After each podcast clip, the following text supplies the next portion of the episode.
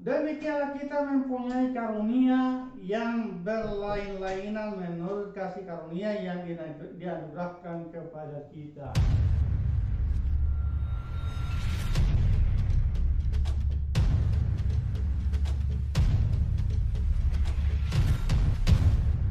Oleh sebab itu kita perlu melakukan beberapa hal supaya rencana Tuhan itu boleh sungguh-sungguh nyata dalam kehidupan kita. Slogan rohani itu bisa sungguh-sungguh berbuah dalam kehidupan kita. Apakah itu? Yang pertama, kita harus mengenal diri kita dan mengenal potensi kita. Ketika kita mengenali potensi kita, maka kita mengaplikasikannya dalam kehidupan sehari-hari. Mulai ada langkah perubahan.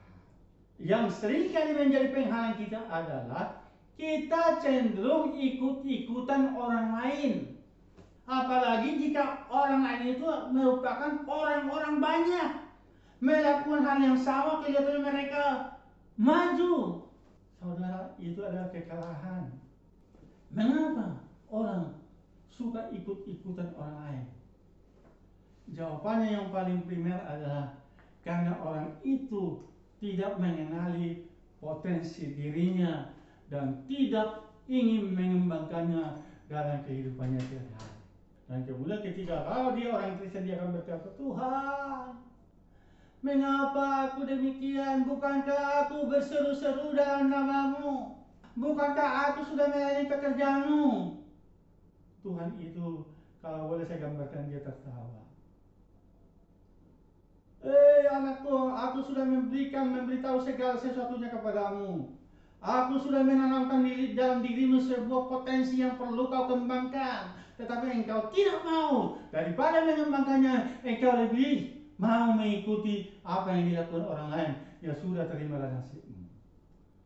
Saudara Tuhan itu sangat ajaib mereka kita menjadi orang-orang yang unik. Kemampuan kita unik.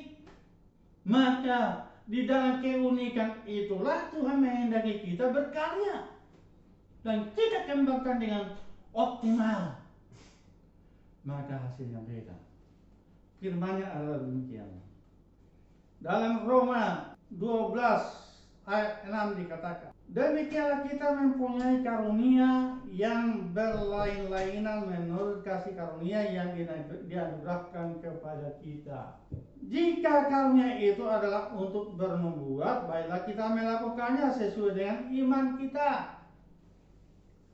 Jika karunia untuk melayani, baiklah kita melayani. Jika karunia untuk mengajar, baiklah kita mengajar. Siapa yang membagi-bagikan segala sesuatu, hendaklah ia melakukannya dan hati yang ikhlas. Siapa yang memberi pimpinan, hendaklah ia melakukannya dengan rajin. Siapa yang menunjukkan kemurahan, hendaklah ia melakukannya dengan sukacita. Di sini kita lihat ada perbedaan-perbedaan dari pribadi-pribadi. Lakukanlah apa yang Tuhan berikan kepada kita dan muliakanlah Tuhan dengan itu.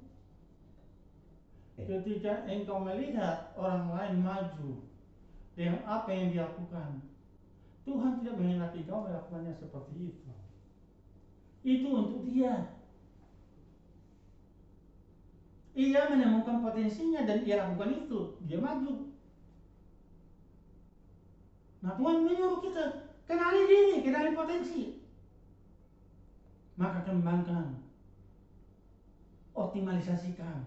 Maka engkau, diriku dan dirimu menjadi umat pemenang. Haleluya.